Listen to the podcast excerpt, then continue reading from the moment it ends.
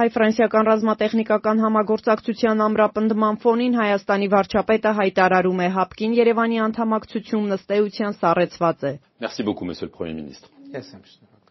Ֆրանս 24-ին տված հարցազրույցում Նիկոլ Փաշինյանը կրկին քննադատել է Ռուսաստանի առաջնորդած ռազմական դաշինքը պայմանագրային պարտավորությունները չկատարելու համար։ Գիտեք, հավաքական անվտանգության պայմանագրի կազմակերպությունը մեր գնահատմամբ չի կատարել անվտանգային ոլորտի իր պարտավորությունները Հայաստանի Հանրապետության նկատմամբ, մասնավորապես 2021 թվականին, 2022 թվականին եւ դա էլ չէր կարող մեզ համար անցնել առանց հետևանքների։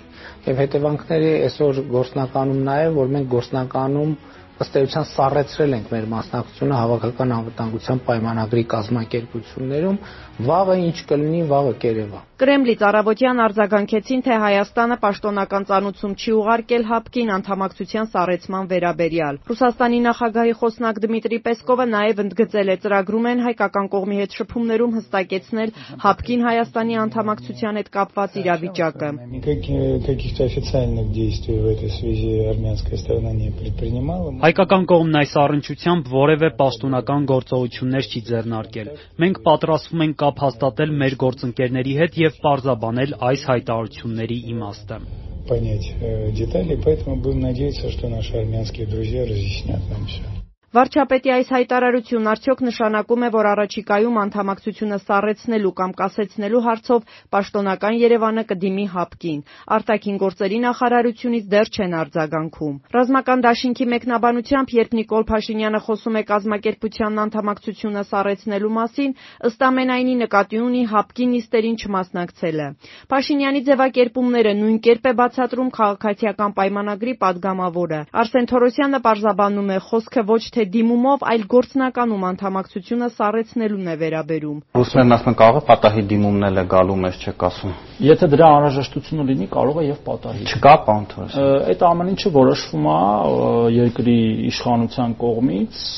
հաշվի առնելով բազմաթիվ գործոններ, այս պահին նման որոշում չկա։ Ընդդիմությունը վտանգավոր է համարում վարչապետի հայտարարությունը։ Պատգամավոր Գեգամ Մանուկյանի գնահատմամբ կառավարության քաղաքականությունը ոչ թե անվտանգային ոլորտում հարաբերությունները դիվերսի դիվերսիֆիկացնելու, այլ ճիշտ հակառակի մասինն է։ Երբ որ ամբողջությամբ կտրում ես մի կողմի հետ հարաբերությունները եւ խորացնում ես այլ կողմի հետ դեռ հարց է թե որքանով է խորանալու դա, որքանով է նյութականանալու եւ ոչ թե ծմերուկ են դնելու Հայաստանի իշխանավորների թևերի տակ, դա լրիվ այլ բան է։ Մեր սահմանում կանգնած զինվորը թանկ գին է վճարել Փաշինյանական այդ լղոզված իրար հակասող արտաքին քաղաքականության պատճառով։ 44-օրյա պատերազմից հետո Հայաստանի վրա ադրբեջանական հարձակումների ընթացքում ՀԱՊԿ հայկական կողմին ոչ միայն ռազմական օգնություն չտրամադրեց, այլև չդատապարտեց Բաքվի գործողությունները։ Դրանից հետո Երևանը բացի ՀԱՊԿ նիստերը բոյկոտելուց կառույցում դեսպան չի նշանակում։ Հրաժարվել է գլխավոր քարտուղարի տեղակալի իր քվոտայից։ Հայաստանի անվտանգային խնդիրների վերաբերյալ տարբեր մայրաքաղաքներում միմյանց հակասող հայտարարությունները ըստ Գեգամ Մանուկյանի հարվածի տակ են դնում Հայաստանի ինքնի ինքնիշխանությունը։ Բոլորին հաճելի լինելու հետևանքը արդեն 4-5 տարի մենք զգում ենք։ Հայաստանի արտաքին քաղաքականության Փաշինյանական արտաքին քաղաքականության ամենախայտարակ դրսևորումներից մեկն է որ նրան թվում է Բրյուսելում կարելի է մի բան ասել, Վաշինգտոնում մի բան ասել, Մոսկվա գնալ մի բան ասել, Անկարայում մի բան ասել, չհասկանալով որ ի վերջո այդ տարբեր իրար հակասող հայտարարությունները մի օր մի կետի վրա պայթեցնելու է։ Իդեպ, եթե ամիսներ առաջ Նիկոլ Փաշինյանը հայտարարում էր, թե Ռուսաստանի նախագահը իր հետ առաջին հանդիպմանը վստահեցրել է, որ անվերապահ հարգանք ունի Հայաստանի ինքնիշխանության նկատմամբ, երեք ֆրանսիական հեռուստաընկերությանը տված հարցազրույցում ուղիղ մեղադրեց Ռուսաստանի իշխանությանը Հայաստանի կառավարությանը տապալելու փորձերի համար։ Գիտեք,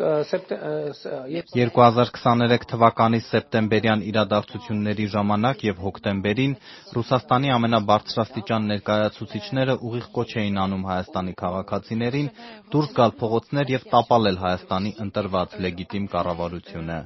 Ռուսական հեռուստաալիքները 6 տարի շարունակ համակարգված, հետևողական ու նպատակամղված հակաքարոզչություն են անում Հայաստանի ընտրված իշխանության եւ անձամբ իմ դեմ։ Ռուսական կողմից Հայաստանի վարչապետի այս քննադատությանը դեռ չեն արձագանքել։ Շողիկ Գալստյան, Ազատություն ռադիոկայան, Երևան։